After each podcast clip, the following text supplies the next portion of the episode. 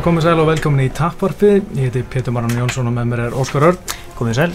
Uh, Þátturinn er sjálfsögðu búið óhansbúðar eins og alltaf. Uh, óhansbúðar hætti að fá alltaf alls fyrir uh, barða íþróttir og almenna íþrótta yðkun. En óhansbúðar sjálfsögðu stærstandi í mjölni.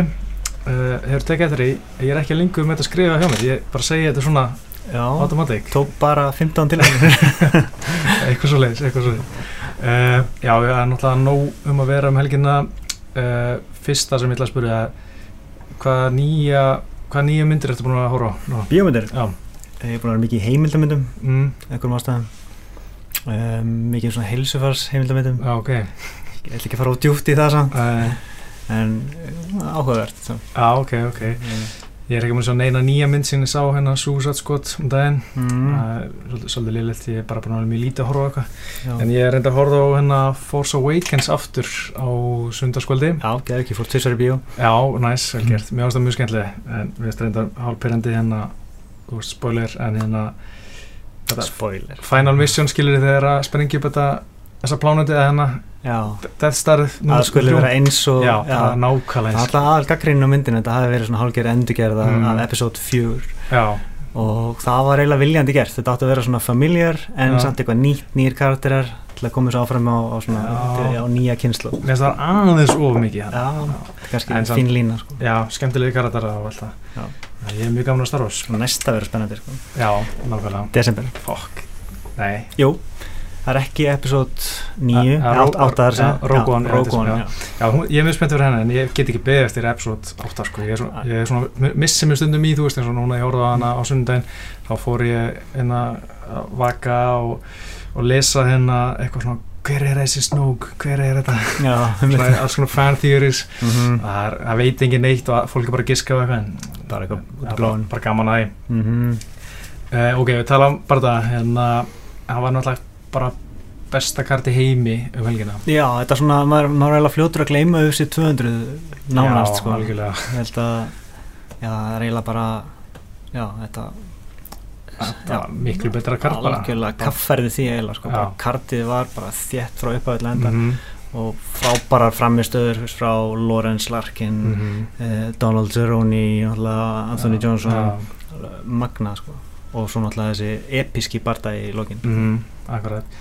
Mm. uh, kannski tölum við þessum bardan sjálfum bara aðal bardan Conor vs uh, Nate Diaz. -hmm. þetta bara, úst, ég, ég var mjög spenntið fyrir bardanum alveg áður en þetta flöskast byrjaði. Bara alltaf svona hvaða gameplan ætlar Conor að koma Úst, hvernig ætlar hann að koma til leiks? -hmm. og hann gerir bara nákvæmlega sem að var að vonast eftir. Hann kæmi þú svona kalkuleraður yfir fótaspörkin. ja, með ja, leg kicks og þú veist með plan. Og þetta leit ógeðislega vel út í fyrsta ég hugsa bara hann er að fara að klára strax. Ég var hann svo Já. spenntur sko. Já. en síðan þú veist neytiðast bara óeðla harður og hérna Mhm. þraukar þetta út og í veist lok annar lótu þá var ég að fara svona bara fokk hann er farin að þreytast. Lóti var bara þetta var svona ah, flashback já bara, nákvæmlega. Bara er að fara að sjá nákvæmlega saman bara það aftur. Já, maður fekk þá tilfinningu. Þetta, Mhm. þetta leit þannig út en eins og betur fyrir fann hann auka kraft og náttúrulega, já, og hann aðlaði sér líka held ég aðeins. Hann er náttúrulega, ég sá hérna Jack Slack var held ég að tala um þetta.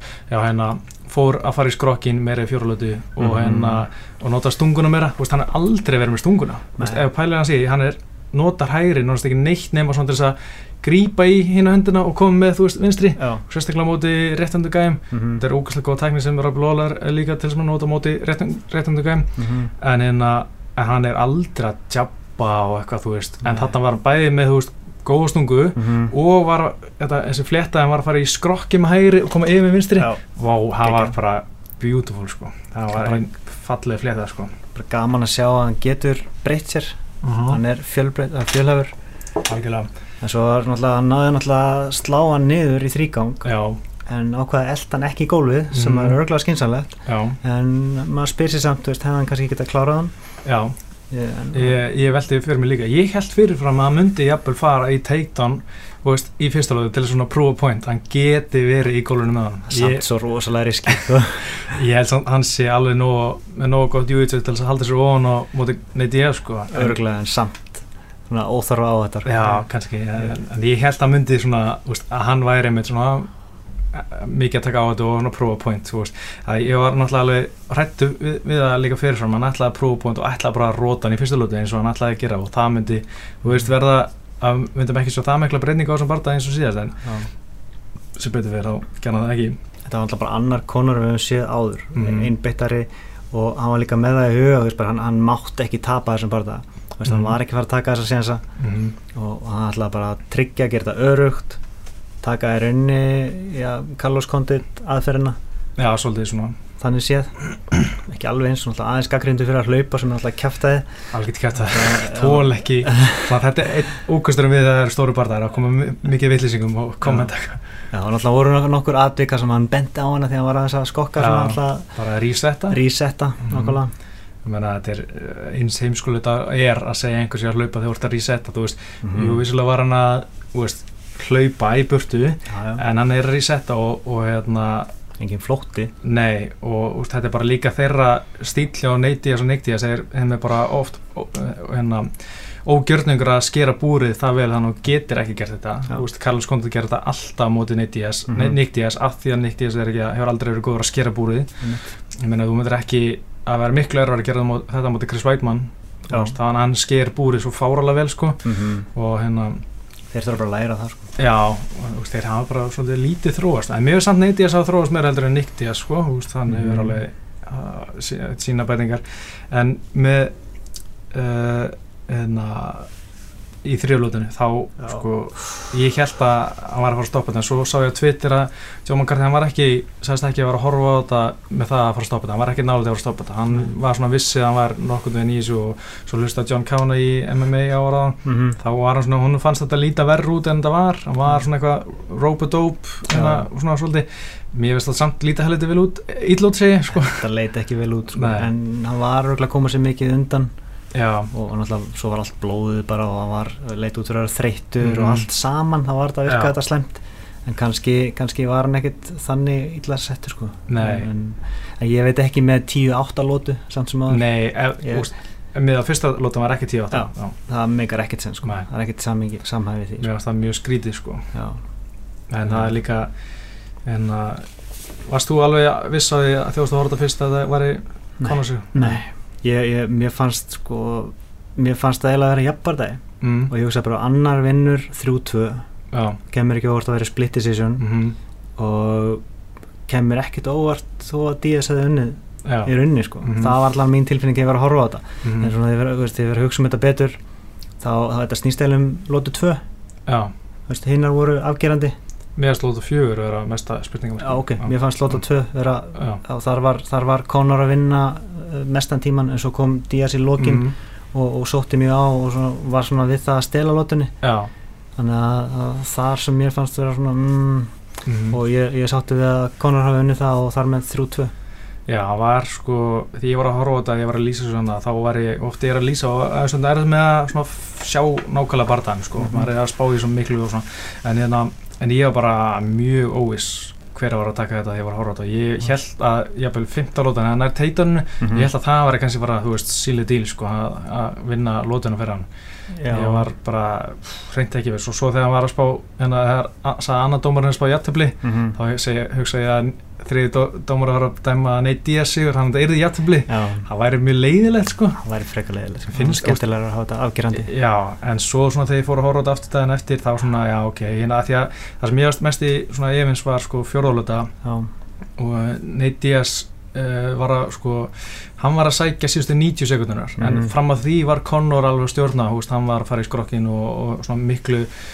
dominera sko fyrsta helmingin en þessar síðustu 90 sekundur ég, maður mann svo meira eftir því sem gerir síðan svona recency effekt já, og þannig að þá hérna fannst mér þegar ég var að horfa á þetta fyrst að, að Nate Diaz hefði tekið þá lótu en síðan ég horfði á aftur þá svona fannst En- mér konar að gera meira sko yfir heildina í lótunni En ef maður hugsa bara um uh, veist, hver náða með það hinn meira. það, er ekki spurning sko, veist, Nei. hvor, hvor hefur viljað vera í Já, það er ekki spurning.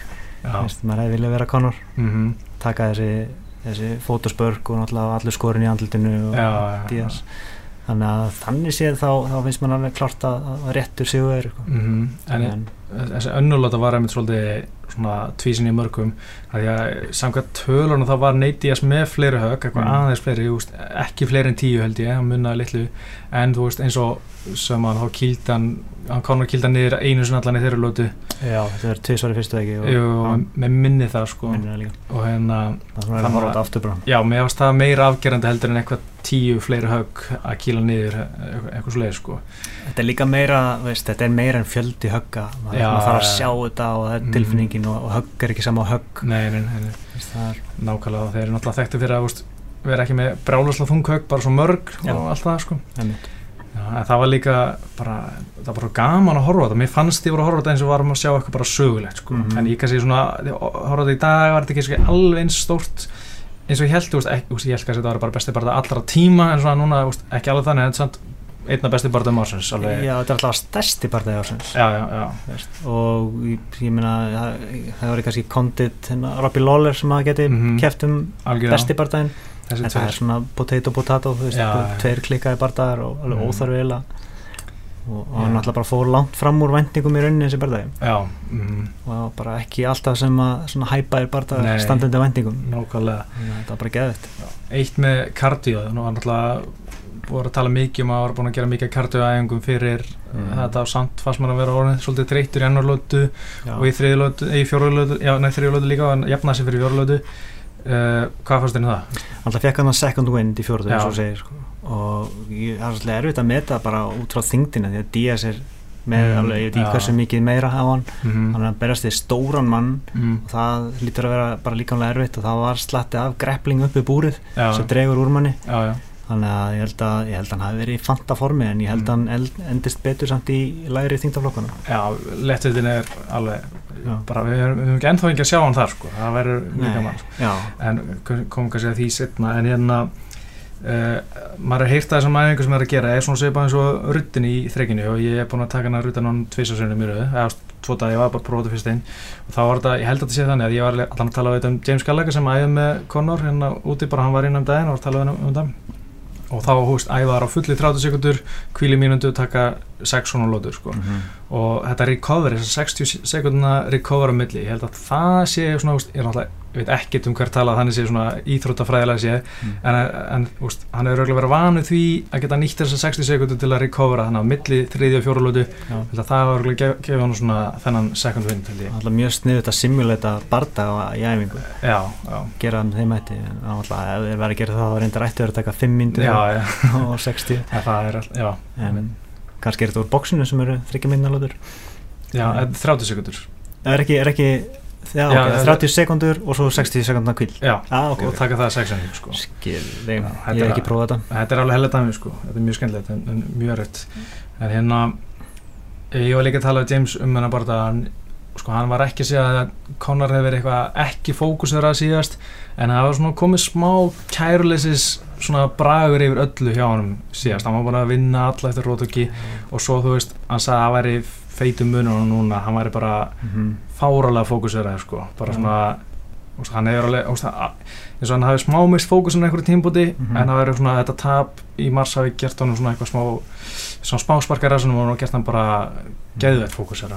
Já, kannski eðlilegt þegar þú rótar alla bara já, svo sem, að akkurat, það er erfitt að vera á topnum sko, Já. já, eins og bara ótrúlega eins og GSP og Anders- Anders og Silva gæti gert það. Og það er ekki fyrir það klikkar sem menn fara svona að endur skoða hlutina. Já, nákvæmlega. Að hann er bara haft gott af þessu tapi innan long run já, þetta er búið að ganga vel ákvar að breyta einhverju sko. Mm -hmm. maður bara vonar að hann haldi áfram þessu þessu kerfi sko. Já, bara cardio is king sko. Það er, það er alltaf þannig. Mm -hmm. uh, eitt sem varst alltaf gaman að pæli að það er hver er inn í hausnum, hausnum á hverjum? Mm. þetta er eitthvað sem ég sko, held að sé svo mikil staðfestingarskekkja í þessum umræðum og þessi úst, segir eitthvað að hann er svo feitt inn í hausnum á honum eins og við sögðum úst, fyrir Conor Hose Aldabartan Conor Mm. væri sko bara að leia í hausnum á Hose Alda og hann var það langt inni og, og núna voru menn að segja sama fyrir Nate Diaz að Nate Diaz væri bara heima í hausnum á Conor og eitthvað mm. en þú veist svo kom John Kavanagh með fáralega góð umvali í MMA ekki, sástu það Nei. hann var að hérna Ariel Helvan var eitthvað spyrjun út í þetta, þú veist, náttúrulega konna með bara læti á blagamannfundunum og í viktuninni Mhm. og, þú veist, í, nei, hérna opnaðöngunni og svo í viktuninni, þú veist, leið hann stígur af sviðinu, Já. þá segir hann bara ískaldur við John Kavanagh, hvað, já, the, the illusion of insanity is over, now it's time for game plan. Já, ok, það var bara strategi Já, þú veist, ef þetta er satt, er hversu svalt er þetta? Það er ógeðslega salt Þannig að Hann ég, er þá dröldi góður leikari þá líka sko. já, hann bara sko. algjörlega, veist, ég er legg aldrei mikla merkingu í þess að, hver er inn í hausnum og hverjum fyrir barðaði, mér finnst alltaf eins og við munum ekki þegar sá sem var inn í hausnum heinum tapar, veist, Mhm. ég held að við munum alltaf miklu frekar eftir því þegar eins og þessi staðfestningar ekki virkar þegar einhverju var inn í hausnum á einhverjum og, og Mhm. sá vinnur, þú veist, það sem, sem var inn í hausnum eins og með Conor Aldo, þá voru allir bara, já, hann var svo mikið inn í hausnum hann fyrir barðaðan Og það sannaðist Já, og það. Já. En ef, hefðum, ef Aldo hefði unni þá hefðu allir búin að gleyma því hver var einu hausnum og hverjum sko. Já. Ég held að ég legg ekki mikla merkingu í hvað sem gerist í opnaðöngunni eða blagamann að fundum með eitthvað það sko. Sálfræði er samt mjög áhugaverð að það eru rematch á milli Aldo og, og, og e, Conor. Já, bara, að, það fyrir maður að lesa í þetta alveg á byrjun Já, Þetta er alltaf hluta sportinu sko. já andlið þáttöðurinn er það sem ég veist mest spennandi við, við þetta sport bara mm. sérstaklega ef maður heyrir svona eins og Donald Cerrone hann talar um að sé alltaf skítrættu fyrir bara það og ég held að þetta var gæði sem var ekki hrættu við neitt Mhm. og hann bara talar um að sé bara hrættur og hann þólir ekki þegar menn er að þú veist, þegar koma svo áfram hann bara þegið, látt mig vera sko. og svo þú veist, þegar hann er að lappa í búri er hann bara að dreipast úr ræðslu mm en svo þegar hann er komin í búrið og er að, að lesa nafna hans þá segir hann bara ring the bell motherfucker, ég er til sko. Mér finnst það mjög svona skemmtilegt svona, ég, veist, að ég bjóst ekki við því, ég held að hann væri bara svona ekki hrættu við neitt þeir hafa vist verið að vinna í því sko. tekið margar svona walk-ins æfingar walk-ins hjá, hjá Soroni. Jaha, Já, ok. tekið svona daginn áður bara farið nokkur sinnum og, og tekið kynningun og allt saman. Já, bara svo hann hafi, hafi gert það nokkur sinnum. Það er vel gert. Já, það virkar vist alveg ákveðlega fyrir hann sko. Já, en, uh, þetta náttúrulega er ekki eins og að fara í, í fótbolta með liðinu þú ert að fara þarna einn mhm, í eitthvað búr og þú ert að fara að slást í einhvern einn mann. Mhm, og þarf að horfast í augun augun, í honum aftur og aftur. Mhm. Þannig að og það er líka svo berskjöldaður ef þú ert að tapa. Þú veist það er engin, engum öðrum að kenna. Bara, þetta var bara þú skilur gæti lendi í einhverju highlight reel knockout já, nákvæmlega sem verður sínt aftur og Já. aftur. Bara svo Dan Hardy og líka Michael Bisping þú veist, Mhm. sjá þetta rótök bara endalust sko. niðurlæðing sko já, þetta lítur að greiðlega þetta á, á sáluna sko. mm en eitt sem ég veist alltaf ja, ótrúlega pyrrandi Mm. og ég veit að ég á ekki að vera sínu svo aðdegli eða pæli í þessu en þegar maður sér virka í aðtöðsendum við erum að kommenta að þetta er allt fyrir um ákveðu, þetta er allt fixt og eitthvað ég pæla ekkert í þessu og ég bara, ég trú ekki hvernig fólk getur verið svona vittlist að halda þetta að menn sem Mhm. í sko tóku fimm lótu barsmiðar að það veri ákveð að það bara að múta dómurunum og að það sé, bara Mhm. ákveð að vinna og neyti að tapa viljandi svo maður til að þriðja barta ah, ég bara ég, ég, þetta pyrra mér svo mikið en ég veit ég á ekki að vera í þetta er bara svo mikið bull Já. að því er ekki einu svona ræða þetta sko. Það bara, veist, það er ekkert hægt að setja þetta á svið Nei. það er erfitt að setja þetta á svið hvernig ætlar að, koreografa þetta og gera það svo live fullkomið Já, nákvæmlega sko bara- svo, ég held mér að ég sé einhvern veginn að kommenta við hérna Anthony Johnson og þetta ekki. Bara þessi halló. Það var eins eins og hættur að vera sko. Þannig að þessi, þessi stolti bardaðamaður á að hafa samþykta að, að lappa inn í bombu frá Já. högþingstamanninum í UFC og láta róta sig á 13 sekundar Ég mjög líklegt sko. Já, fólk, fólk er fíbl en algjörlega. Nei Díaz hann alltaf tala um eftir bardaðan Mhm. hann er ekki verið að gera skít þá til að þriði bardaðan verður hann skil það bara mjög vel. Þessi bara þessi og mögulega einn annar kannski GSP sem að Mm, kemur til greina fyrir hann menn ef hann er að meika það var hvað 2 miljónum dólarar sem hann fekk það sem hann gefið upp. Gefið upp, og svo er miklu meira náttúrulega en það. Mm og af hverju ætti hann að fara út í, í, í 300 dólarar barða á móti einhverjum hættulegum gaur sem að lemur hann kannski?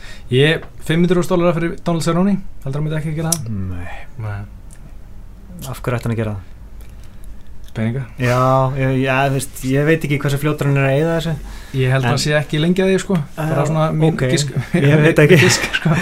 ekki að vita neitt um það sko mér finnst þess samt virka svo down to earth og, Mm. og það sem er að sé það sem er, það sem er búið á svona, það virkar ekkert neitt svo, svo flashy Nei, svo sem ekki þannig að ég get alveg trú að þeir getur bara sparað og, og látið þetta enda svolítið og, og hugsa að þeir verast hugsa svolítið um heilsuna já, Nick Diaz hefur talað svolítið um að taka högg og svona. Já, já, og þeir náttúrulega eru, eru báðir vegan eða ekki Jú, jú. og, og, og mikið í, í líkansrækt og mhm.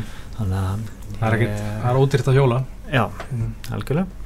Já, ég fór í Akraborgin hann á föstan, ég og Gutti. Mm og hérna vorum að tala um þetta og Hjörtur sem uh, stýri þættinum, hann alltaf fylgist eitthvað með maður en hann húst þekkir ekkit endla Nate Diaz og, og hann varst alveg merkilegt. Og það er alveg mjög áhvert bara hvernig verður maður svona Nick og Diaz til? Verður svona ga- gangsters thugs sem er reykja úst, gras alldaginn Mhm. og eru keppið þrýþraut sem hobby og eru víkan þetta er ótrúlegt svona kombo. Þeir náttúrulega eru bara gödustrákar sem Mhm. dragast inn í Jiu-Jitsu já, sem er ekkert óalgengt í rauninni Nei, að barda íþróttir svona bjargi Já. ungum mönnum frá gödunni algjörlega.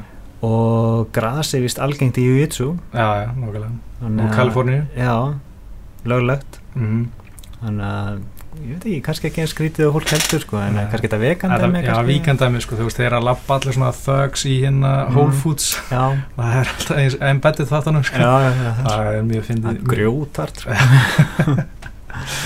Já, að- hann var náttúrulega að veipa hann að eitthvað, eitthvað marihuana olíu, skils mér af hverju var hann að þessu sko.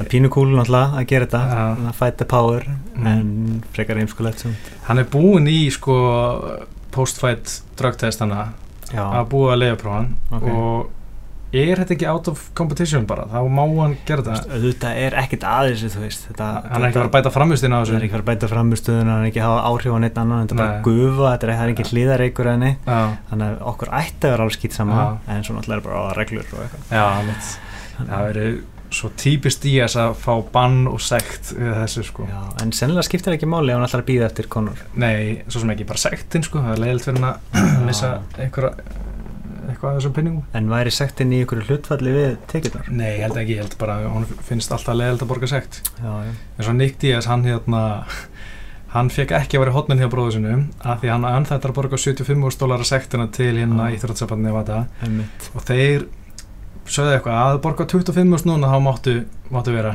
og ég sá bara á Twitter hjá Brett Okamoto í ESPN bara Mm. communication broke eftir Ah, þetta, það ok. var, ég var ekki þetta, það var að samþykja þetta sko, borga einhver 25 dólarar þetta var bara bullmál og gangsterar, uh, skemmtilega tífur já, algjörlega sko. Ég bara, ég veit svo mikið hvort það er maður að fara að sjá eitthvað mikið að þeim hvorum í framtíðinni. Nei, það er svo erfitt að spá sko. mm en þeir eru, eru líka tilbúin að býða sko Já, Það held ég sé Þeir- mjög líkil, stór líkilega hérna þeirra samninga Já. tekni. þeir eru bara búin að fatta þetta veist, og, og þessi, þessi aðferð er búin að skila sér í rauninni Mm. þeir bara taka bara stóru bardagana mm, og fá markvælt borga fyrir þá af hverju ætti þeir ekki að gera það já, ég segi það. þú veist, orðin svona stórt nafn Mm nú er þetta svolítið spurning hvað, hvað verður um George St. Pierre sko? hvað, Já, hver fær hann í rauninni það er svona hver fær hnossið ég veit það ekki sko. ég vona bara að vera ekki nýtt í það sko. Nei, mér langar ekki að sé það aftur. skilja ekki þá umræðu þú veist. við viljum sjá aftur eitt leðilegasta barda í sögu þessi. Já, einmitt. Ég veit ekki, Andersson Silva eða eitthvað, bara eitthvað svona legend. Bara. hann er búin að berast það Nei, TSP, Andersson já, Silva. fyrir ekki Já, já. já. brain fart En hvað heldur að Conor sé voru að gera? Eða hvað heldur að sé að næsta skrifja hann? uh, hann alltaf talaði um að hann verði úti lengi með meðsli Ég held að sé ekki rétt sko. Ok. Okay. Þetta eins og þessi lækningsskoðun fyrir fram já, þú ferði eitthvað skoðun og þú veist, menn á oft fengi hálsársbann eða eitthvað mm. en svo þú veist, þar þarf ekki nema að mæta til læknings einu sinni sína, þú veist, já hann fekk hálsársbann hennar eftir aldo, eftir að hann myndi svo úliðinu Já. þegar kílan mm. og hann þarf ekki að fara nema einu sinni til læknis og læknirinn kíkir á úliðin, er lægi bannið er farið, skilju ok uh, hann alltaf bara nokkri valmöguleikar. Mm það er Eddie Alvarez Já. sem er mjög spennandi kostur. Mhm. ég held að þriðji bardaðin við Díaz ég ekki fara að gera strax. Nei, ég, með langar ekki að segja það strax langar alls ekki að segja það strax bara, og Aldo, ég held að sé mm. aðalega Aldo og Eddie Alvarez. Og ég, ég, ég sé hann ekki fara í George St. Pierre Nei, mér langar ekki að segja. Nei, ég held að George myndi reslan bara, Já, ég sættur um það. Að líka það var í veltevikt og Conor sagði að hann er búinn í þessum flokki, þú veist. Já, og hann bara, hann er, sagði ég er feitur hérna, ég vil ekki vera feitur.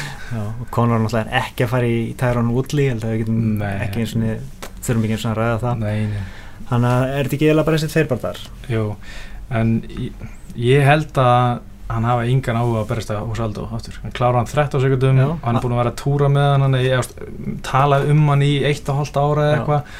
Og hann sé bara, veist, nennið ekki. Hann talar þannig líka. Já, og, en hann vil samt halda beltinu já, ég sem er alltaf bull já, það er bull en ég veit það ekki sko. ég, ég vil bara sjá hann á móti Eddie Alvarez já, en þú veist, ef pælum í því þá, er hann að fara að missa þetta tækifæri sem hann var að lofa að vera þú veist, tveggja þingdaflokka mistari hann ætla átt að mæta Dos Anjos um Já. belti þegar hann var með er fjæðavitameistari já, já.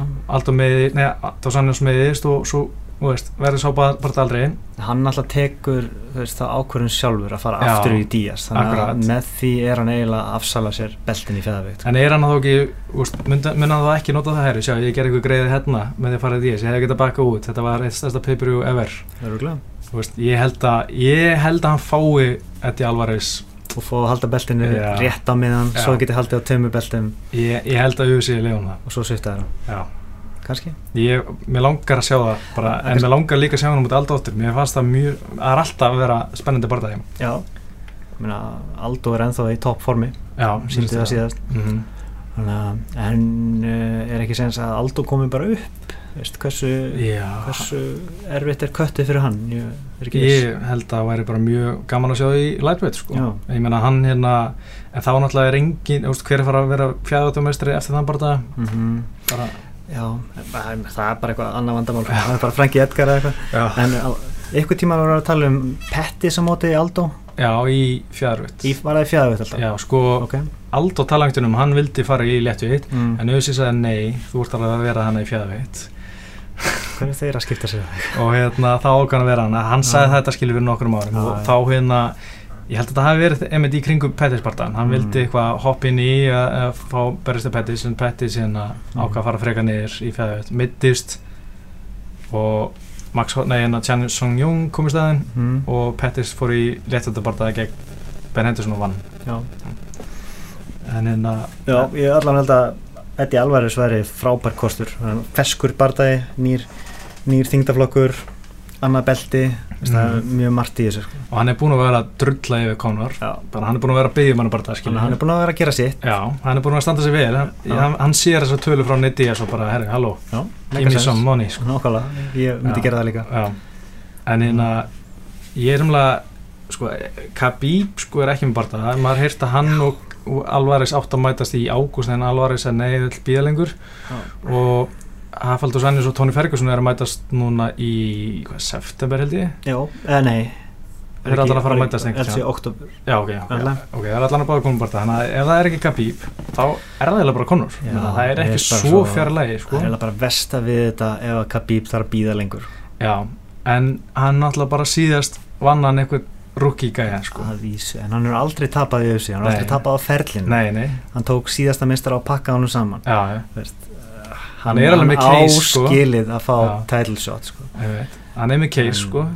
En ég meina hann vildi býða hann vildi ekki berjast aftur fyrir hann var tillabardagi hann Mm. sagði nei, ég held að hann vildi líka ber, ekki berjast með hann var í hérna Ramadan hann já, emitt svolítið er þetta að vera að kötta og, og e, nei, hérna ekki berjast og vera að berjast í Ramadan sko. Já, en hérna undirbúið sér barða maður skilur það. Já.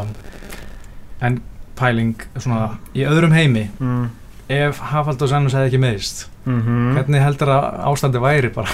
Já, heldur að konur hefur unnið. Ég veit ekki ég, Já, ég- bara, ég held að hann hefði alveg getað unnið. Já, og já, þá náttúrulega væri hann mistari núna í lettvikt. Og já. Eða og, kannski þá, og þá væri náttúrulega bara Khabib að reyna að berast við hann. Já.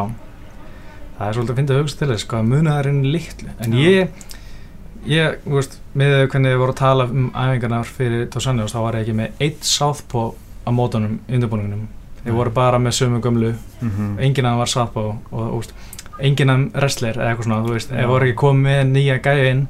Þannig að, þú veist, segjum hann að tappa þannig þá held ég hann hefði líka tekið saman og núna Já, lært annan og hérna en, en hann alltaf læri ekki að mikið af þessu neitt í að stappi svo sem Mhm. það er vonlust að spáða þetta sko. já, svo sem uh, eitthvað meiri sem vil segja um Conor eða Nate Diaz? Já, kannski, hvað heldur að, að heldur að Conor vinni Eddie Alvarez? Já, ég held að það sé nokkuð gott matchup fyrir Conor. Já, ég er alveg ágætt að, að trúa á Conor gegn er er Ég held að Khabib sé versta matchupi bara, fyrir alla. Já, nákvæmlega fyrir alla. En já, þetta gæti orðið kannski svona eins og Dennis Siever bara daginn. Kannski Eddie Alvarez en aðeins betri útgáfa af Dennis Siever Já, kannski miklu betri. Já, miklu betri. Ég myndi, já, ég veit ekki það er sko. svona guppur Já, reyndar, Svona- svona vakstalega kannski, já. já, wrestler um, getur slegið, já, ágætisbox Mm. samt ekkert voðalega reymanlegur, svolítið vöða mikill Já, ég myndi sé fyrir mér að Conor muni finna huguna á honum. Já. Já, mér langar að sjá það. Já, algjörlega, mér líka. Uh, Hérna, Johnson og uh, Glover Teixeira já, ég sá þetta ekki fyrir maður. Nei, Þetta- þú tippaðar á Glover ég held að Glover myndi bara Já. lifa af þennan storm Já, og söppan í þriðju eða hvað líka ég held að og, svo er þetta bara nánast fyrsta höggið sem að koma hann inn.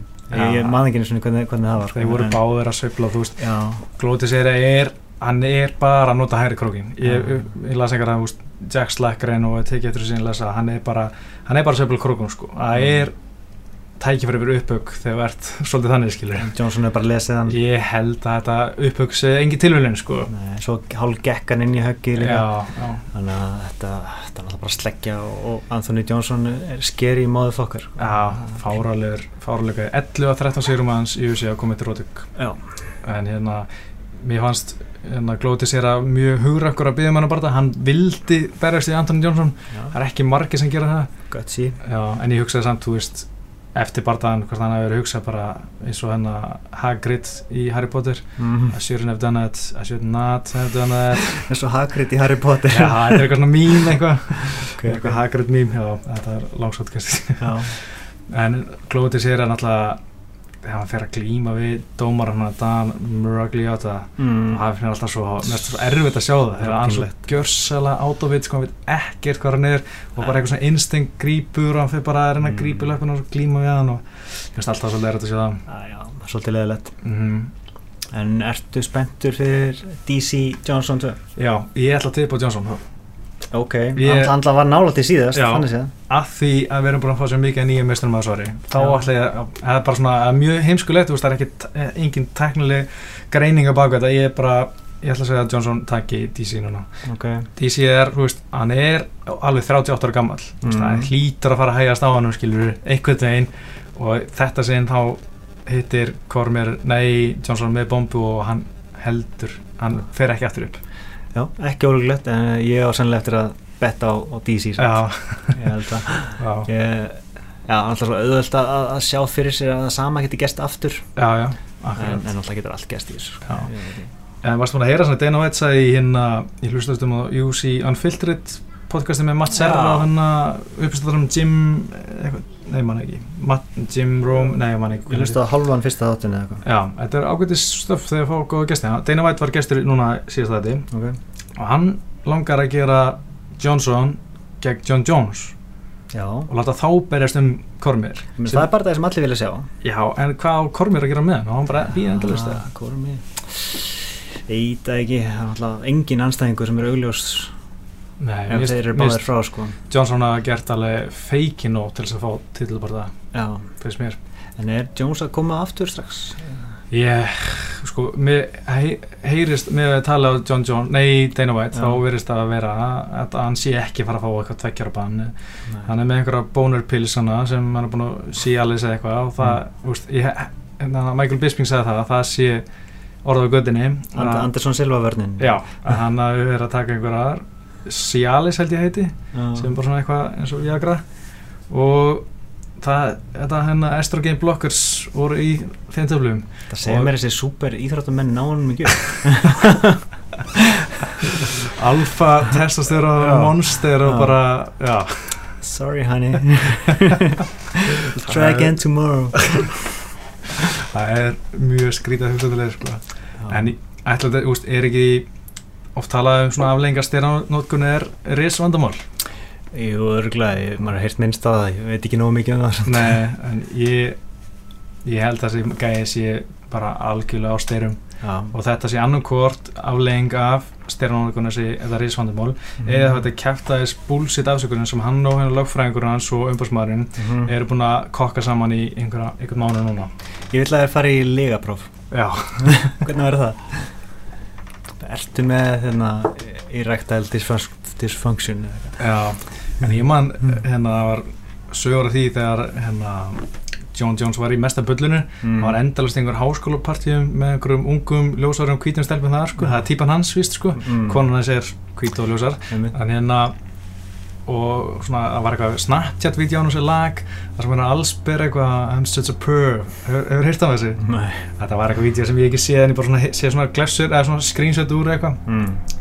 það hljómar ekki eins og maður með risvandumál sem er að jamma endalust allstæðar Mm. og einhverjum stefnum Nefn hann hafi verið með pillur með sér. Nema auðvitað hvernig læti. Ha, Það er möguleiki. Já, það er enda rétt. Og svo hefur svona mm, er ekki svolítið þannig þeir sem eru á kókaini þeir taka þetta með þegar oft erfitt að nóna upp með orðið kókaini Já, ok. Þannig að það- Þetta er allt svona að vinna á mótunum. Já, grei, nei ég vorkinn ekki neitt. Ég vorkinn ekki neitt. Eitt með Daniel Já. það er alltaf baulað á hann. Þegar komið mynd á lögudaginn þá er baulað á hann. Þetta er, er orðið bara eitthvað ég áhverjandi heldur það? Já, ég held að þeir hata hann ekki Veistu Hvernig er hægt að hata hann einhver? Ég, ég skil þetta, ekki, ég skil ekki okkur að alltaf baulað á hann. Um, þetta er bara er ég, já, ég veit að líka ást, var, hver á að tala um uh, ég man, ég dein Ariel Helvanið eitthvað mm. að hann tekur þetta inn á sig. Hún finnst það ah, hún finnst þetta leðilegt sko. Þannig að ekkert gert rámt hann, er svo, er svo mikill puppy dog eitthvað. Svona- Svona langar eiginlega að knúsa hann svolítið sko. Þetta er nú meira hérna, visinni á mm. svona, í, á léttungu vittinni eitthvað, eru Donald Cerrone, hversu flottur var hann? Þetta, þessi fleta var eins og töluleik sko. Þetta var bara rugg bara það gerist ekki betra Ógeðslega ég man ekki eftir að sé fjögra högga fléttu þar sem öll högg lenda. Nei, það er bara fáralegt það sko. er bara fullkomið. Og afgreða þennan mann Mhm. sem við vitum hvað hann er harður. Já, hann er aldrei tapað trótök. Alveg magnað sko. Það var Hann- bara- Og hann hann er búin að segja að hann ætlar að halda áfram í veldu upp. Hann vildi, hann kallaði út Alvaris eftir bardaðan Alvarez. Já, hann, hann ætlar að vera í léttu til að berast Ó, Ok, ég misti því, ég sá að hann ætlaði að vera í upp hann, hann segir eitt í dag og annan múrk Ok. Ég sá reyndar á Twitter hann var að hann brand á það svo dett út gegn Erik Silva. Mm. hann var að bjóðast til að taka þann bara það Nagli er þessi ég maður veit að þetta er ótrúlega þeim taka manni sko. Já en ég vil sjá hann frekar í veltveit. Mér finnst þetta að hann bara líta fáralega vel út þar og ég skil ekki okkur jú, jú, hann alltaf vann sanna fyrir tveimur árum. Mhm. en mér lókar samt bara sjá hann áfram í, í veltveit. Mér finnst það mjög gaman og ferskt blóð og Mhm. bara gegja Hann líka virkar svolítið hóraður í, í lettvikt það já, Það með hann langa líka maður. Mm Mjögulega bara betra fyrir hann að vera hana upp í veldu vitt já, örgulega, hann segist að kötta svipa mikið núna eins og að vera kötta lætu þetta hann er aðeins kuttari. -hmm. Og líka bara fullt af spennandi bardöfum fyrir hann það já, hann er búin að berjast svo marga í léttið hvort þið er. Mm ég segi hann að halda áfram bara. Já, þannig að það væri gaman. Já. Ég er drullu smegur ef hann færi í Gunnar sko. Já, ég, ég sjálfsög það, Hann er það er engin auðvöldi bara framöndan í honum Nei, það er held sér bara vonandi upp á við að takast á við þessa top 10 gæjar sko. já, já, það er náttúrulega ekki ennþá búið tilkynna næsta bara dagunum, hann við mjögum ekki segja ennþá Nei. uh, en hérna Rick Story uh, ég skil ekki alveg hvað hann er að gera hann náttúrulega byrjaði hana í Brave Legion sem er eitthvað svona kamp sem hann var átti hluti í og, og var svona svo fór allt í háa loft, hann fór til hérna John Crouch með Ben Henderson í hérna MMA Lab Já, tók Gunnar þar og allan að bardanu undan held ég alveg örgulega bardanu eftir en svo var hann núna að hann allan í sex viku með Black Silence og Henry Hooft og annar Black Silence verið í hóttunni í honum mm. Akkur er hann flakkum ég, svona, ég hef ekki spáðið því sko. ég veit ekki alveg af hverju menn er að flakka svona um almennt sko. Hlýtur að vera ykkur ástæð, er ykkur Já. Já. Þú veist, fær ekki nóg mikla aðtegli mm, kostar mikið til að fá nýja æfingafélag já, Þú fúrt fúll út af ykkur. Sem er náttúrulega aldrei gott. Nei, nei, hann tók þrjábarda allan að mm. já, hann tók Tarek Safedin ég held að hann ennþá verið í MMA Lab þá. Já, en mér finnst alltaf þetta skrítið sko. Mm sjá menn flakkum sem er á sigurgöngu sko. Er, já. en uh, eitt gæði sem ég væri að tala um. Larkin. Nei. Ok, ok. Mike Perry því Ah. líkur fát hann er búin að vera fimm mínútur í þessi og ég strax hata hann sko. Hann er samt- hann samt fyndin sko. ég, ég, allan, ég var að hlusta á hana í MMA áður já, og hann er bara fyndin karakter. Virka svo steiktur sko því ég, ég haf aldrei hirt í honum áður en, en að ég byrjaði að vera researcha fyrir hennar lögutaskarti mm. og ég bara var að lesa við til hennar bara hvað steik er þetta? Mhm. sko hann er að, að ég fyrst að læra með God's Gift tattoo á mánum og svo við til hann var hann hérna hann er blátt belt í YouTube mm -hmm. but these hands are black belt mig Nei. I'm black belt with his hands bara, og, svona, og endalega svona cringe-worthy kommentum eins og það var að tala um hérna, Mm. UFC er bara kastalinn á hæsta fjallinu og ég er á liðinu Ó, okay? jésús minn þetta er svo hræðilegt sko. En þetta er samt til þess að mann langar að sjá þau Ég- það er allir að vera með eitthvað. já, Það að hafa ástæði til þess að menn vilja sjá þig og, og núna, þú veist, hálfpartin hötu við hann hann er ekki eins og það er ekki eins og það er djók, hann er bara, hann virkar bara svona eins og þetta sé bara típan hans. Og svo eins og kom fram í MMA í ár þá var hann á skilóru fyrir já, nákvæmlega. Hann sagði bara, já, ég er núna að sitja í bílnum hérna fyrir utan hérna réttasalinn eða eitthvað líka og þarf að fara inn til hérna, hvað heitir, ætla að check in. Já, shit og svo var alltaf hotnið hans með hérna mjög rassist komment gegn Hjóndi og Lim, Nei. ég sá eitthvað vænvídeó þessu og hérna er það bara svona rétt ára barndænir byrjaði að standa svona anspannið skur öðrum þá er hotnið bara kallað komur það, þú tegur þetta sjá hann að gæja, hann getur ekki eins og séð út um augun. Oh, og Hjóndi og Lim er shit. asísku fyrir það sem ekki vita og já, þetta er slæmt komment low class. Já, þetta er, er allt svona dúsbæk í kringum hann og við hann að gæja hann ekki strax. Mér finnst það skemmtilegt. Það verður að vera eitthvað krydd sko. Já, ég ætla alltaf að veðja gegn þessum manni hér eftir sko. uh, Já uh, Loris Larkin. Magnað sko. Þetta, þetta var svona, þetta myndi mig eiginlega á bara eins og þegar Stephen Thompson tók hérna, Johnny Mm, Hendricks Já, það bara býta hann. Já, ég bjóð svo alls ekki við þessu. Þetta var bara eitt mest surprising bara svona bardagi sem ég sé því að hann bara lamdan sundur og saman frá fyrstu Mm. sekundu framspörkin bara, Já, þetta hennar oblíkik í maga. Hann bara sparkaði um hálfulegðu búrið. Mm Þetta var bara geðveg framist það hans besta framistöða held ég á ferlinum. Alveg klárlega. Mm Mér fannst hann alltaf vera svona óstöður og svona var ekki að, ég held hann alltaf Magni myndi bara gera það sem Magni gerur en svo sá ég hann er fjögur eitt í veltuvitin í USA Já, ok. Hann alltaf búin að vera í veltuvitinni, nei millivitin og letangvitin áðar Aha. það sem er svona skipst á sigurum og tökum ég held að sé hvað hann er svona 5-4 held ég í USA eða eitthvað. Ok. En hann er ekki komin held inn í Ég var að spá ég mitt hvort hann væri í top 15 sko. Það er ekki komin nýr sko, þetta er bara eftir að Rory datt út og Já. tölum það kannski eftir. Mm -hmm. en hérna, já Larkin bara leitt faralega vel út. Já, ég hlakka til að sjá meira á honum. Hann er hann er alveg efni í top 15 klálega sko. Já, hann hefur alltaf verið svona allir tala um hann sem er bara klíkastræking og allt það en svo hann svona einhvern veginn ekki alveg náða að mm sína en þarna náða hann svo heldur betur sko, Mhm. sína hvað hann getur. Uh, Cody Garbrandt. -hmm. hann tók hann að 48 sekundur að rota Mizugaki No love. Já, uh, hann alltaf kallaði út hennar Dominic Cruz og Mhm. allt það það verður gaman að sjá það að berjast einn daginn.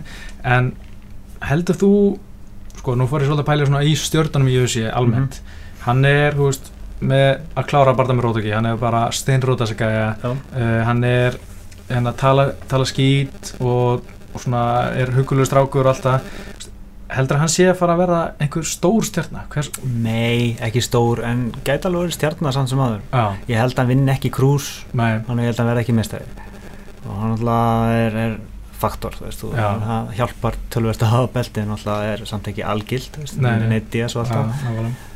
um, ég er ekki viss um að sé svona persónleiki sem að fólk svona laðast að sko. nei, virkar svona svolítið kokki jock já, gaur já. sko hann er ekkert nýtt svona Mm. við trastöki sko. Nei.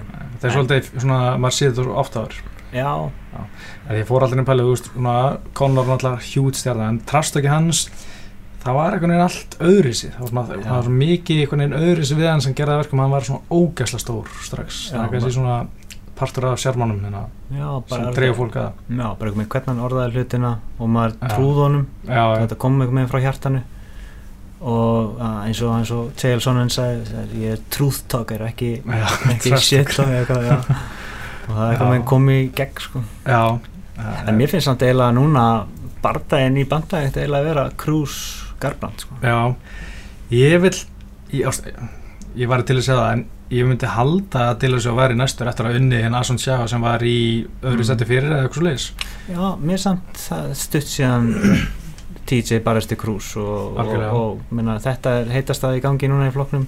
Ég, ég mér langar bara að sjá skemmtilegasta bardagann. Já, já, ég er sammála því svo sem Mm. en en að ég held bara en að mér finnst TJ alltaf að vera að væla vælandi eitthvað. og ég er bara svona spárhættur um að fái sitt í gegn einhvern veginn.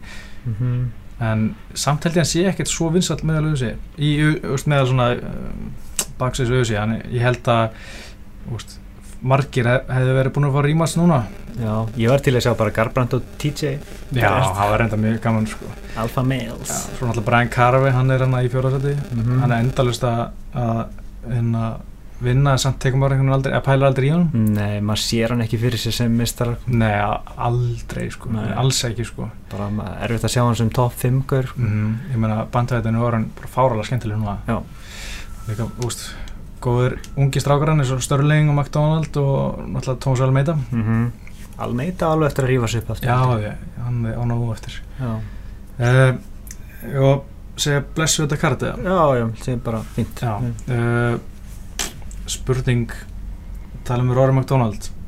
Já, hann náttúrulega var að koma frétti bara núna, ég er ekki búin að ég sá bara fyrirsögnuna, hann er búin að semja í Bellator. Já, mér finnst það algjör bömmur. Já, og um, já, bara að missa top 5 veldu við þetta mann Mhm. eða sama hverju það er. En hann samt, veist, þetta er svona gaur sem að sá alltaf fyrir sig er þið meistari.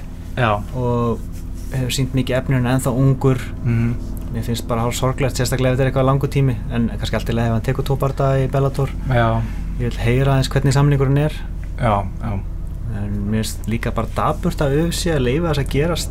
Já, algjörlega. Hverju er þeir ekki tilbúin að borga fyrir manni eins og Rory McDonald sem er einn af þeirra bestu já, bardagamennum sko. Akkurat, ég veit svo mikið hvernig ég fara að þessu en ég hljóta að vera með einhverja tölur hvað er þetta, herrflugur hérna að þetta er þyrla að fara með Já, ok. við neðslu að opin glugga það svo heitt hérna. Það er hérna uh, hvað ætla þetta að segja, hljóta var með einhverja tölu sem sína þessi gæi er x virði, Mhm. þessi gæi er svona virði með við hver, hver maður ekki að horfa og, og allt það sko Mhm. en kannski hefur hann bara fengið meira borga hann hlýtur að fengið meira borga og Bellator annars var hann ekki að taka því Já.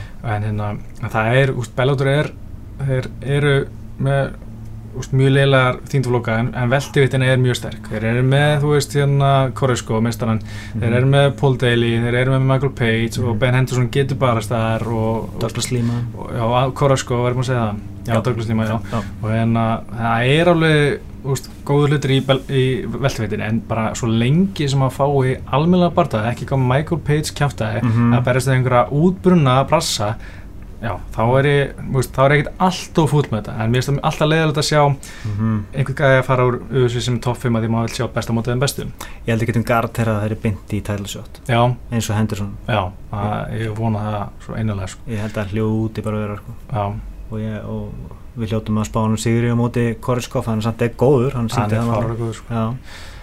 En, en nú fær hann alltaf frábært tækifæri ég, ég var alveg samfæra með að Koresko myndi rústa Ben Askarun sínum tíma. Mhm. að að bara einn mest einhlega bardaði sem ég sé. Já, askr Daburt eða svona góður gauður Hverfur bara. Ég veit það. Ég man ekki þessu hvernig hann bara síðast. Og hann veit ekki hvort það sé með bardaði Síðast þegar hann barðist, það var á móti einhverjum gauður sem hann aldrei heyrt um Þannig að í rauninni skiptir ekki máli.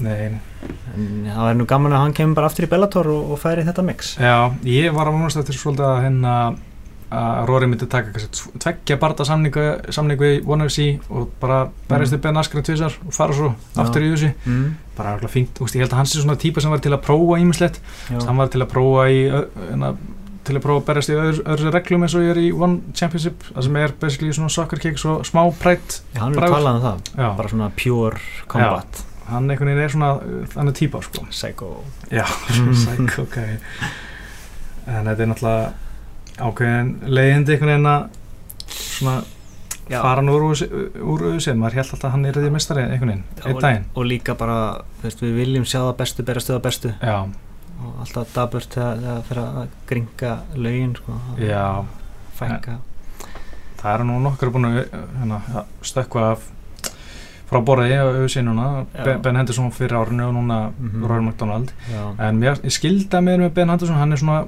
komin yfir sitt besta myndi ég segja Mhm. en Rory á, já vonandi en það að sjá, að sína okkar sitt besta já. Hann alltaf er búin að berjast mjög marga gauðra hann í topp 10 og 15 reyndar. veist, búin að fá tækifæri um titilinn og tapa og Mhm. veist, hann, hann er búin að vinna þegar við horfum bara listan hann Já. vann vann Woodley sem er núverandi Mhm. mjög samfærandi já, tamda neila bara eins og, eins og, eins og ljónu sko. já, og náttúrulega tapa fyrir Robbie Lawler og, já, og tapa fyrir Stephen Thompson Mhm. vann Damien Maia tapa fyrir Karl Já. síndi maður öðrum barðanum með eitthvað já, einmitt það, það var náttúrulega, hann var mjög ungur og valla hægt að veist, hann, Já. hann, fær, hann fær það afsakað sko, en svo reyndar ef við sjáum þá er næsti í 12. seti Tarek Safetin já, þannig að hann, úst, hann getur alveg tekið skreið tilbaka og barast í Johnny Hendricks eða Gunnar Nelson já, þess Gunnar Gunny Nelson Mhm. og hérna, já, en uh, fáum ekki sjá það í bili Nei. ég held að hann koma aftur samt já, ég held að hljóta vera, hann er það ungur já, og það góður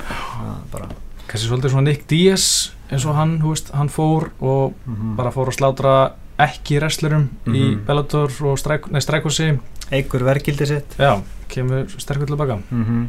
Menni, svo í, þegar Nick Diaz var í Strækos þá var hann bara að berjast við alla sem var ekki wrestlerar Mhm. bara, Scott Coker bara, herri, er þetta wrestler? Nei, ok, herri, fáum hérna Paul Daly bara var briljant plan já, bara hæpa hann upp já.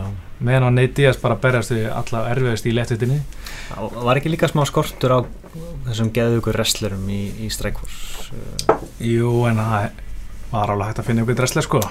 Taron Woodley til dæmis en, Já, en hérna já, þetta verður svona ákveðin vonbrið já, en uh, sjáum hvað kemur úr þessu. Já, ég þetta kannski verður þetta bara svona eins ás fasi hjá honum. Já, uh, um síðan menn fara fram og tilbaka mhm, akkurat eigum við að taka núna næsta kart bara? Já, mjög spennandi. Já, ég er ekkert búin að fjalla um það núna. Það veit örgulega enginn af þessu.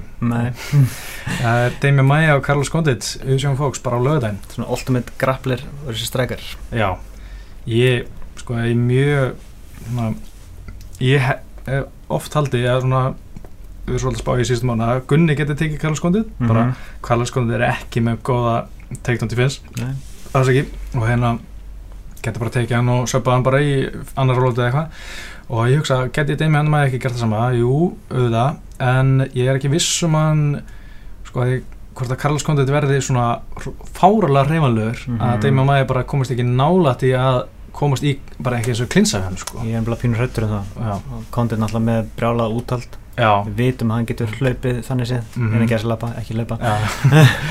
Í fimm lótur. Mm og ég er svolítið hrættur um að það gerir sko já. en alls ekki, veist ég er ekki nálægt í að afskrifa það getur Mér finnst líka Content búin að vera á niðurlið undanverðin ár. Mm. En uh, svo er náttúrulega komið mér mjög óvart með Robbie Lawler barðan. Ég held að það er allt miklu meira einlega já, En kannski, þú veist, hann er búin að tala um að hætta og kannski er hann ekkert svo mótuverður og þú veist, hann geti Demi Maia bara svona, mm, bara klára hann bara í annar lóti, bara svona domination, sko. já gæti hæglega gert sko Já. ég- maður getur búist við eða öllu frá úr sem barða Já, þetta er alltaf þræl spennandi, sko. og alltaf mikilvægt fyrir veltivittina hvernig þetta fer Já, alltaf Maja komin mjög nálægt tætlisvátt núna mhm. og veist, ef hann vinnur kondit þá, þá ætti hann að vera næstur í rauðinu eftir Stephen Thompson Já, já, algjörlega. Mér finnst bara svo of gott að vera til að vera satt að þeim að maður fá tilbarta þess vegna er ég ofta að spá gegnum hann sko. En ég er spáði bara að hafa trú á mínu manni og hérna, eða þú veist mínu veist, bara, ég fíla svo mér það er svo gaman að sjá mæja á gólfinu. Og hann er bara svo ógeðslega góður. Já. að ég, ég er spáði bara að tippa á mæja submission bara í annar lóti ég held ég tippa á kondit aldrei sammála. Nei, ég, ég held að sé svona, ég ætla bara að leifa mér að tippa það sem ég vonaði að gerist núna. Já, Já. Alveg að blíklegt og hvað annað Já, eins og svo. Uh, Anthony Pettis, Charles Oliveira. já, þetta er alltaf geður ykkur barndagi sko Já, og náttúrulega er í, í fjæðuvikt var þetta annar barndagi en hans Pettis í fjæðuvikt Nei, fyrsti. er þetta fyrsti? Já. ok, það er náttúrulega vel spennandi að sjá hann ég held að þetta gæti alveg verið þingdaflokkur sem að passa vel við hann mhm, hann náttúrulega hefur alltaf verið svolítið lítill í léttvikt þannig séð, þó hann tók beltið og allt það mhm, en Oliveira náttúrulega er, er ekkert grín sko nei. Mm, Ég er samt ekki vissum að það sé eitthvað finnst Anthony Pettis ekki fund- fundist, veist, ég aldrei mér ekki finnst að vera að tapa því hann er lítill undarfæri uh, en ég er ekki viss um að þetta sé eitthvað svona, eitthvað svaka búst fyrir hann að fara niður. En ég held að hann taki þetta samt en ég er bara einhvern veginn það er eitthvað í gangi í Antoni Pettis tapa þrísarur, hann var á vítis bóksunum átti að vera bara næsta stjarnar og Mhm. maður held að hann er bara huge stjarnar og svo bara eins og bladra sér sprungin einhvern veginn sko. eitthvað, eitthvað í gangi sko. já, stundum taka menn svona tíðanbill og, og rífa sig upp já, já, þrjúður röð sko. Ég er ekki búin að ákveða hvað ég ætla að tippa á þessum barndagi Mér finnst að það getur vel verið, verið ósámálega líka þessu sko. já, Mér finnst Óli vera svo frábærlega skemmtilegur barndagamaður og já uh, vissu þú að Olivera hefur þrísasunum mistikist að ná fjæðuvitt að tapmorkinu Nei, hann er bara búin að jafna Rumble sko. hann er alltaf svo hávaksinn Já, ég held að hann sé bara kvætt á mjög heimskulega allan var Mike Dolce að tala um það hann var með hérna Nick Lentz mm. Nick Lentz og Olivera átt að mætast nei, ég held þessi fjóru sinn sem hann misti ekki mm. einu sinni var hann bara unable to continue to cut bait og bara það var off við Nick Lentz hann Já. með minnir það að veri og þá var Mike Dolce sem var með Nick Lentz þá að hérna segja að hann var að horfa á kött og bara svona gerum maður þetta ekki Mhm. eða svona eitthvað og hann fannst að vera mikið svona science í gangi minni mig Já. hann var að tala um þetta í Joe Rogan podcastin tíðan fyrir einhverjum árum sko Mhm. uh, þannig ég veist þetta er svona svo skrítið af hverjum aldrei, það er enginn að tala um þetta en maður alltaf talar um þetta Johnny Hendricks eða Já. Rumble og sín tíma þetta er einhvern veginn bara því hann eitthvað ekki það stór fyrir lítið fyrir hann og fólk er ekki að pæla í því svona. Og kannski að hann er ekkert líka svona ekki, ekki eins mikið svona villen eins og Johnny Hendricks er stundum. Og líka þetta er ekki þessi stóru bardagar sem eru þá cancel nei, Þannig að fólk kannski tekur, tekur ekki eins mikið eftir. Já, akkurat. En, uh, en fjóri sinnum ég sé Já, hann er vonandi búin að læra mistökunum en, já, og búin að ringja í Mike Dolce já, vonandi, þetta er svona Já, þetta en svo er þetta kart svona eitthvað frekar þund svona út frá þessum tveimur. Já, Peyton Sandbeck, Já. Rolling, þú veist, mér finnst bara Peyton Sand ekki svona, svona ok, það sem bara, ég held hún að tala um, hún æfir eða ekkert MMA nema á þegar undirbúið sér barða, annars er hún bara crossfit, sko, What? það er sem er mjög skrítið, ég vona hún að breytti í, sko, ég vona innilega að það sé ekki staðrendin núna, sko, Mhm. og mér finnst það bara mjög skrítið, ég held að hún verði ekkert lengi MMA, ég er svolítið að vera fljóta að fara, sko, Já, bara veginn, hún hefur, hefur options, held ég, sko. hún virkar ansi langt frá top 5 sko. Já, og eins og þegar Rose Namajunas bara rústa sko. domination sko. tæknilegi munurinn var svo gigantísk sko. En hún er bara að klikka kardió og hún er bara svolítið búin að vera að vinna fyrst mér á bara að brjóta þessar Mhm. stelpur niður bara á þessu geðjöka kardió Já, hún er svona scrappy eins og segja já, já, akkurat með góð scrambles og, heldur bara áfram stöðu mm En, það er svolítið upp á tæknilega samt sko. Alltaf farið svona head and arm kast sko. Mm og ég menna Rose Namajunas var bara með fullkomi counter við því counter alltaf, en samt voru hann alltaf að fara í þetta sama kast sko. Já, það er svona er eitthvað reynslileysi þannig sem sýnir sér svolítið sko. Var ekki að læra mistökunum. Nei, ekki alveg sko.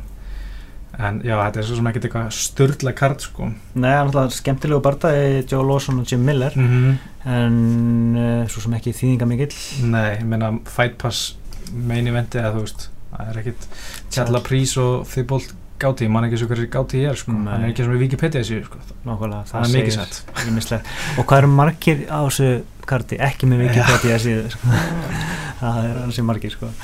Já, þetta er ekki átta átta það segir sína sögu sko. Já. en alltaf topp tveir bardaðarnir selja þetta sko. Já, já, algjörlega, þetta verður alveg gaman sko Ég held ég horfa ekki á þetta byrni, ég er að fara í eitthvað fallegastu eitthvað, eitthvað partí já ok, það verður fallegast Já, þú veist, planið er það, vonandi er- ef spáin leifir þar sem. Já, ég hef aldrei prófað, verður til að prófa. En mér finnst Sam alveg, hann er hana í síðasta barðan í mennkasti, mér finnst hann reyndar alltaf mjög skemmtilega hann ekki að ykkur Já, Smiling Sam Já. á móti góðum jujutsugur Kevin Casey, Já. já, mér finnst hann úþónlega típa sko. Já, ekki skemmtilega típa en hann er góð- já, já. góður jitsari sko. Já, en mér finnst hann oft vera, valda mér svolítið vomburum sko. Hann er svolítið svona um, ekki nú aktífur á gólfinu. En hann er stór og sterkur og svona mhm alveg segur sko bara eins og síðustu þrýbardanars er jafntefli við Elvis Mutabic uh, TKO tap gegn Rafael Natal og svo hérna Antonio Carlos Jr. no contest að því að Mm. uh, Casey fekk Kevin Casey var pótar í það þú ert að svæða mig núna þetta, sko. þetta, er, þetta er frekar döl sko. Já, og já, svo vann hann eitthvað gæja vann Bobba Bush en fjall á Liverpool og Mm. no contest. Þannig að sennilega ef hann tapar þessu þá er hann köttaður. Já, hann var köttaður, hann kom inn hann að einhver tíman sem leitir replacement held ég sko. Já, bjargaðin Já, er, er hengur hann inni en þá? Vissið þú að hann er teimdarsonur Móhamed Ali? uh, Já, ég Já, það. já, Þannig að þegar hann var að deyja. Já, akkurat, hann var bara að berjast daginn eftir eða viku sinna eða Já, eitthvað. akkurat. Já, það var mjög steikt Já. Svo stýttist í CM Punk. Já, Ég var eiginlega bara fegin að ljúkus af Ég held að hann skýttapi já, og vonandi hættir bara. Já, það er búið að koma ykkur heimildamönd svona um leiðina að bardaðanu Ég hef ekki nefnt að horfa Ég held ég sé, ég var til að kíkja á það sko, ég, ef þetta er einhverstaðar svona aðgengilegt og löglegt En bara hérna- YouTube held ég. Já, ég vonaði alltaf, ég var alveg til að kíkja á það. Ég, sko, ég hef alltaf gaman að hlusta á hann í vitlunum, sko. Ég hef Já. gaman að hlusta á hann en ég, ég, mér finnst það mjög aðdáðanavert hjá hann að, að gera þetta að bara, úst, að langa berjast og hann ég eftir að lamin í klassu mm -hmm. en úst, ég er ekkert brjálaslega spennt fyrir að sjá bardaðan en, en ég, ég hef gaman að hlusta á, á hann í viðtölum og, og svona, hlusta á hvað hann hefur að segja. Mér finnst hann svona spennandi gæði Já, ég get að móta honum persónulega sko. Jú, þú hatar hann. Hata en, en hversu sjokkeraður er maður ef hann myndi vinna? það, vá, sko, hver er allir stuðullin sé á hann það er örgulega eitthvað 20 hátt eða eitthvað sko. já, já, það verður allavega forundilegt að fylgjast með því sko. Já. já Ég held að það sé ekki sinns nei, uh, ef við vorum að slúta þessu bráðum Já eitthvað, eitthvað bíómynd sem þú vilt mæla með mm, vilt segja að lókum Nei, eiginlega ekkert sem ég mann í fljótu bræði sko. Nei. Það var að horfa á seríun Unbreakable Kimmy Schmidt eða eitthvað, hvað heitir já, já, ég sá fyrstu séri Mjög fyndin já, hún er fyndið sko. mm. Já, ég, ég hafði mjög gamla því. Svo er ég að lesa Harry Potter bókina nýju já, ok, Það var að klára hana. Já, er hún góð? Hún er mjög skemmtileg sko, en það er örgulega trikki að gera bíómynd úr henni. Ok, Ég get vel ekki sagt því að spoila ef ég segja af hverju. Já, en ég veit ekkert um, um hvað er þessu bók? Er hún Þetta- Harry Potter eða? Já, sko, uh, í lokin og síðustu myndinni og, og bókinni þá, þá sett var stutt atrið það sem er 19 árum síðar það sem Harry Potter var að fara með són sinn og var að þetta er beint framald af því. Já, ok. Þannig að, já, það var mjög skemmtilega já, ég hafði gaman að þessu bókum á síðan tíma. Já, þannig að uh, um að gera að kíka uh, var eitthvað sem ég ætla að segja? Já, ég ætla að reyna að fá eigilinn næst. Þetta var svolítið minn skam, skammi fyrir hann núna þannig að hann komst ekki. Mm. en það var gaman að fá hann með okkur inn og við spjallum um eitthvað skemmtilegt. Yep. Herri, annars að vera slútið þessu. Ég heiti Mhm. Pétur Marnó Ég heiti Óskar og við þökkum áraðina og verið sæl Þetta var bara ágætt sendir og það var ekkert fyrir um að skrifa